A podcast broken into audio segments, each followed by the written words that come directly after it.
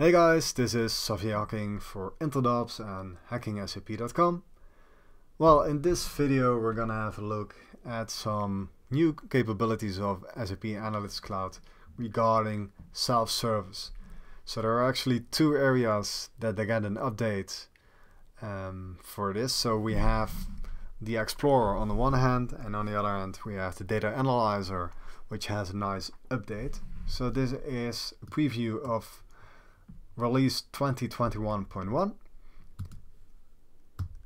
and let's first have a look at what happened to the Explorer because that that's gonna look a bit different than we are used to. So you might already have seen this new icon here on top in the menu bar. So the idea is that the Explorer is more easily accessible by the users. So before you had to enable the Explorer here in the um, in the designer like this and then via the context menu you could open the Explorer or use the link here in the um, in the chart or in the table. So what now happens is that the whole Explorer is moving yeah uh, more upwards into the the top menu here. So let, us let's have a look how that that works. And what we can do, we can click here on this icon and then it will say, well, at this moment you don't have any Explorer enabled on any of the widgets in your story. So we can enable them for all the charts and tables that we have.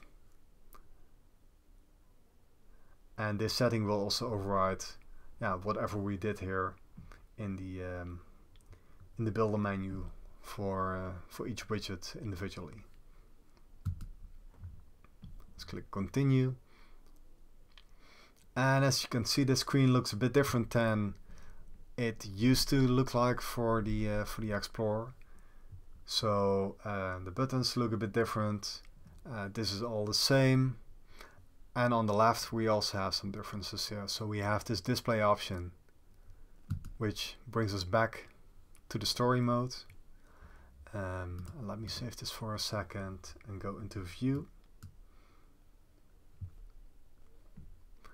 By the way, you also see that the menu bar of the story mode has changed. So it's more uh, condensed right now. Uh, we can also use this drop down menu now to uh, move between the pages like this. So that saves a lot of space. Uh, but let's go back to our explore mode. Click on this one here.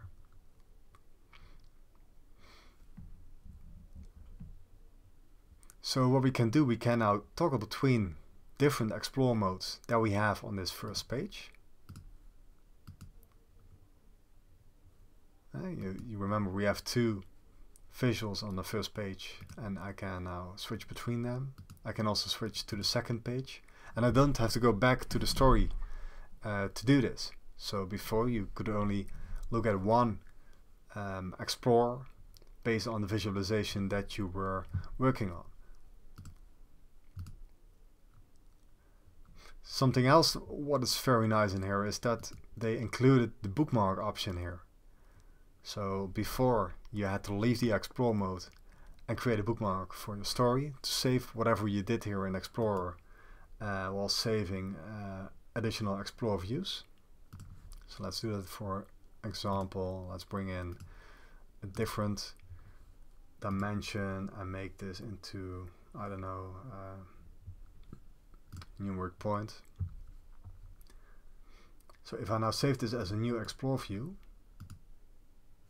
and I get my new explore view, let's call it uh, KPIs. There we go. And now I can save this in my bookmark. Something like this.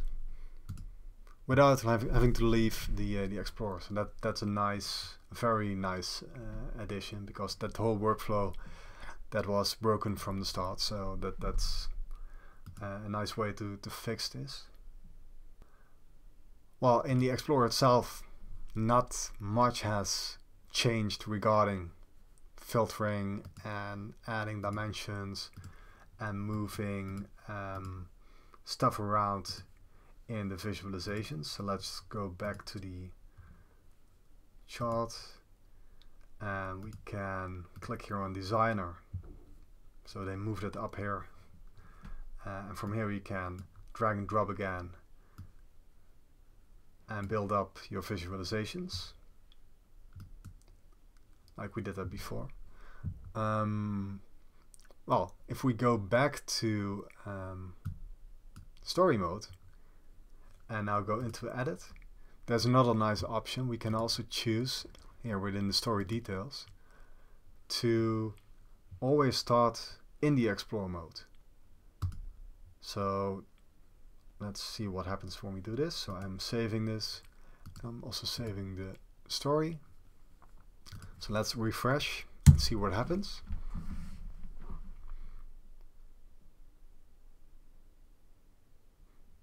so now the story loads but you see it's going immediately into the explorer mode and not into the uh, to the story mode.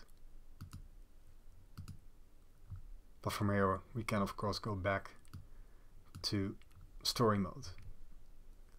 So that that's really a good change, improvement on, on the Explorer in my opinion. While the other improvement in the self-service area is regarding the data analyzer.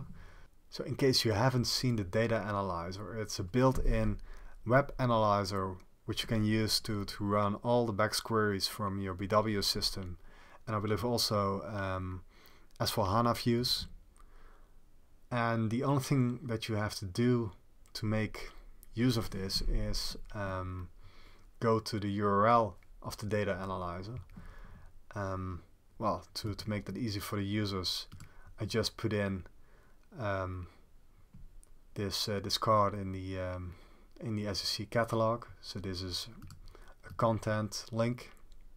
Over the content link you can create a link to a certain URL and that you can publish to the um, to the catalog. And the URL of the data analyzer is basically your tenant name uh, with on the end data after the view underscore ID parameter.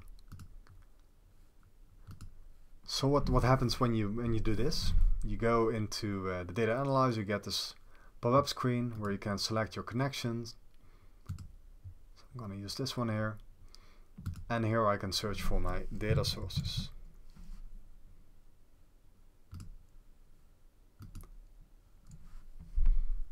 Well, this query has a prompt, but we're not going to use it right now.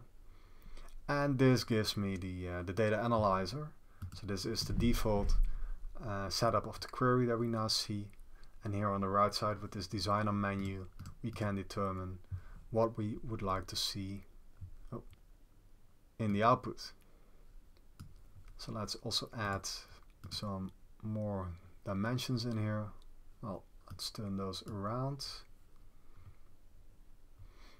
like this and I can also use the right click here to uh, do the sortings, uh, change display options uh, stuff like that. So this we already had a while. Um, the problem with this data analyzer was that you could never store whatever you did here. So when you leave this, um, everything is gone and you have to do all the setups and then filters again the next time that you use this uh, data analyzer on this query. Uh, what has now been added in release 1 for 2021 is this save option. Strangely, they don't call it a bookmark, but they now call it an insight. And you can store this insight on the SAC platform. So the insight itself is an object that you can manage in the repository. Let's save it.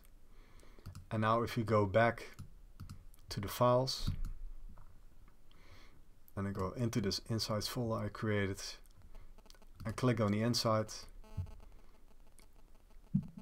it opens the data analyzer and we can continue from here.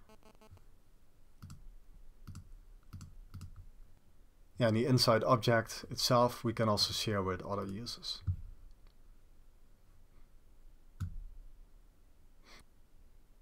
So yeah, I think two nice self-service features uh, let's say improvements uh, to kick the, the new year off. So happy new year.